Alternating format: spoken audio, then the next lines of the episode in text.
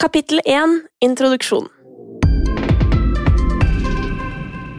I løpet av de neste ti minuttene skal vi fortelle deg litt om bakgrunnen for Noia, denne podkastserien om angst. Du skal få møte psykologen vår Karina Paulsen, som skal fortelle deg hva angst er, og hvordan man kan få hjelp. Og uansett om du er engstelig som meg eller ikke, så håper jeg denne podkastserien kan føles god å lytte til. Håpet mitt er at du som er engstelig, skal føle deg mindre redd og alene med noia og våre erfaringer på øret. Og til deg som ikke har angst. Ifølge Rådet for psykisk helse får 30% av befolkningen en angstlidelse i løpet av livet.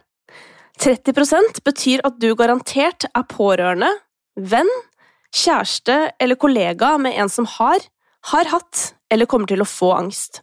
Og da tror jeg at det kan være fint og lurt, både for deg og den du kjenner, å vite litt om hva angst er, hvordan den påvirker oss, og hvordan man lever med den.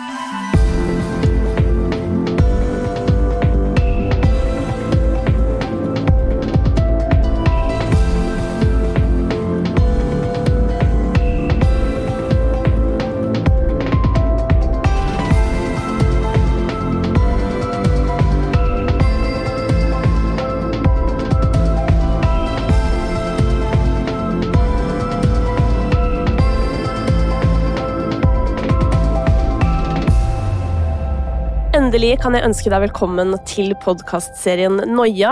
Jeg heter Kristine og skal lede deg gjennom denne serien som skal handle om angst. Og ved min side så har jeg psykolog og forfatter Karina Paulsen, som eh, har vært så grei og sagt ja til å være med på dette prosjektet. Og Karina, hvorfor har du ønsket det? Jeg ønsket det fordi jeg brenner for å gjøre kunnskap om psykologi tilgjengelig for folk flest. Jeg ønsker å være med på å normalisere hva lettere psykiske lidelser er. Og lettere psykiske lidelser, det er eh, angst og depresjon og eh, stressrelatert problematikk. I denne podkasten så fokuserer vi jo på angst eh, helt konkret, eh, og jeg ønsker også å bidra til å vise at angst har veldig mange ansikter. Mm. Eh, før vi setter i gang med serien, Karina, så tenker jeg at det er greit å avklare hva angst egentlig er. Angst er eh, en naturlig alarmberedskap som vi har iboende i oss, som rett og slett sikrer vår overlevelse. Og i, i visse situasjoner så vil det være en naturlig reaksjon å oppleve denne beredskapen, som for eksempel hvis du opplever en krisesituasjon, men angsten kommer ofte i helt normale situasjoner, hvor det ikke er naturlig å reagere med en alarmberedskap. Og der skiller vi mellom angst og frykt. Der hvor frykt er en normal reaksjon på en unormal situasjon, så er angst en unormal reaksjon på en ganske normal situasjon. Mange beskriver jo panikkanfall som en slags eh, følelse av at man skal dø, eh, og den sitter ganske hardt i kroppen, sånn fysisk. Angst er veldig fysisk, helt reelt. Um, ved siden av den ø, psykiske angstopplevelsen, altså opplevelsen av angst i tanker og følelser, så vil man merke eh, voldsomme ø, fysiske symptomer, som for eksempel hjertebank, svetting, varme, kuldefølelse, uvirkelighetsfølelse, svimmelhet, prikking, nummenhet, det er mange eh, ulike reaksjoner på angst. Mm. Og hvordan et typisk panikkanfall foreløper, hvordan man kan vite om det faktisk er angst man har, og hva som er årsaken til de fysiske og psykiske symptomene, det skal vi gå nærmere inn på i det neste kapitlet, hvor vi snakker om nettopp det første panikkanfallet. Men Karina, altså, å være redd, det er jo helt normalt. Så når blir egentlig angsten en diagnose? Jeg tenker at vi snakker om angst som en, som en diagnose eh, i det øyeblikket den hindrer deg å leve det livet du ønsker deg å leve, og hindrer normal livsutfoldelse.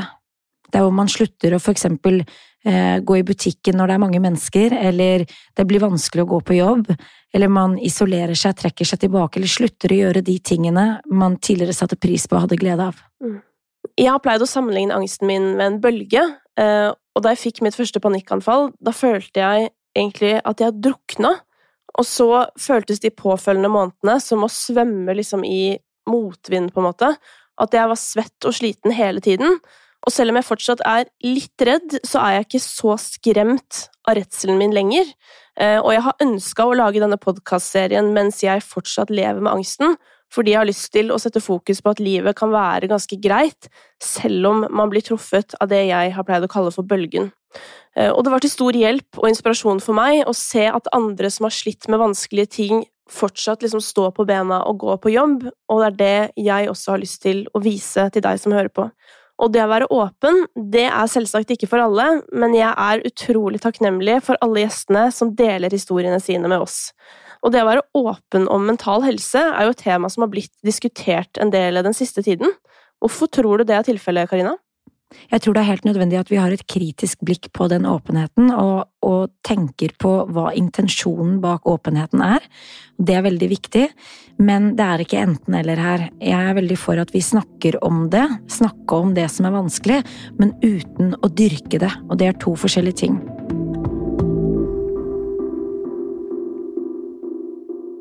Karina, det kan jo hende at det sitter noen der ute nå og kjenner at uh, angsten nettopp er i ferd med, eller allerede har begynt, å hindre livsutfoldelse. Uh, det være seg om man har begynt å isolere seg mer, at man kanskje har slutta å gå på konsert eller gjøre ting man ellers ville likt å gjøre. Hvordan kan man få hjelp, Karina? Det er flere måter å få hjelp på. Først og fremst så vil jeg anbefale å sette ord på og snakke med nærmeste omgangskrets. Det kan være eh, familie eller venner, og det kan være den ene personen som du har tillit til, og som møter deg med en respekt. Videre finnes det diverse hjelpetelefoner, også som har døgnåpent. Det finnes også flere gode kilder til selvhjelp, som eh, litteratur i bokform eller på internett. Her vil jeg imidlertid råde til å være kritisk til kilden. Videre så vil jeg anbefale å opprette kontakt med fastlege som kan henvise i offentlig regi til for eksempel DPS, distriktspsykiatrisk senter, eller til BUP, barne- og ungdomspsykiatri. Eh, det kan i visse tilfeller være noe ventetid, eh, og i mellomtiden her så er det også flere ting man kan gjøre for seg selv, som for eksempel å lese, snakke med nærmeste omgivelser, mange kan også oppleve det som støttende og hjelpsomt å bruke kroppen fysisk, eh, eller lære teknikker fra yoga og meditasjon. Mm. Videre så finnes det privatpraktiserende psykologer som kan ha vesentlig kortere ventetid, og hvor du er fristilt fra hele henvisningsregien. Det innebærer imidlertid at du skal betale fra egen lomme. Det er også fint å legge til her at i krisetilfeller så kan du alltid ringe 116 117, hvor du da får kontakt med nærmeste legevakt. Mm. Medisiner er jo også et hett tema når det kommer til lettere psykiske lidelser, Karina? Absolutt. Og, og eh, dersom vi igjen støtter oss til forskningen, så ser vi at eh, ved lettere psykiske lidelser så er det alltid sånn at eh, samtale er første prioritet. Og så ser man at ved alvorlig depresjon og alvorlig angst, så kan det være evidensbasert metode å koble på medisiner i tillegg til samtaleterapi. Mm. Og vi skal jo også få besøk av psykiater Trude Fiksdal for å prøve å gå litt dypere inn i dette med medisiner, og i hvilke tilfeller det kan være hensiktsmessig og se på det som et alternativ. Absolutt, og der har man all grunn til å ha en sunn skepsis. For noen så er det en velsignelse at man har medisiner, og det hjelper. For andre så har ikke det noen stor effekt, og det er heller ikke noe de ønsker. Mm. Gjennom de neste kapitlene så skal vi jo innom veldig mange ulike sider av angsten. Eh, fellestrekket for det vi snakker om, er jo ting jeg skulle ønske jeg visste da jeg fikk mitt første panikkanfall, erfaringer som kanskje kan gjøre andres opplevelse med angsten litt mindre ensom. Og du lytter jo til denne podkasten i akkurat den rekkefølgen du måtte ønske, men eh, det kan være greit å si at de første fire kapitlene er ganske kronologiske sånn rekkefølgemessig når det kommer til angstopplevelsen.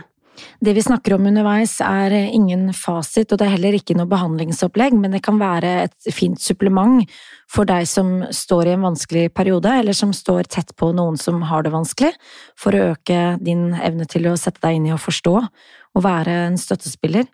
Videre er det viktig å si at dersom du som lytter har erfart eller opplevd noe som du ikke hører gjenfortalt i løpet av disse kapitlene, så betyr ikke det at det du har opplevd er noe unormalt, eller at det er noe feil ved deg. Og hvis du kjenner på at du har lyst til å kontakte oss i Noia, så kan du gjøre det ved å besøke noiapodkast.no. Vi må få lov til å takke Rådet for psykisk helse, som har hatt tro på dette prosjektet, og ikke minst Ekstrastiftelsen, som har valgt å støtte det med midler som har gjort det mulig for oss å lage alt det vi har laget. Vi har hatt det utrolig fint i arbeidet med dette prosjektet, og det håper vi at du hører når du sitter og lytter i øreproppene, headsetet eller gjennom høyttalerne dine. I denne omgang så blir det med disse 16 kapitlene vi har laget, og vi er veldig spente på din opplevelse.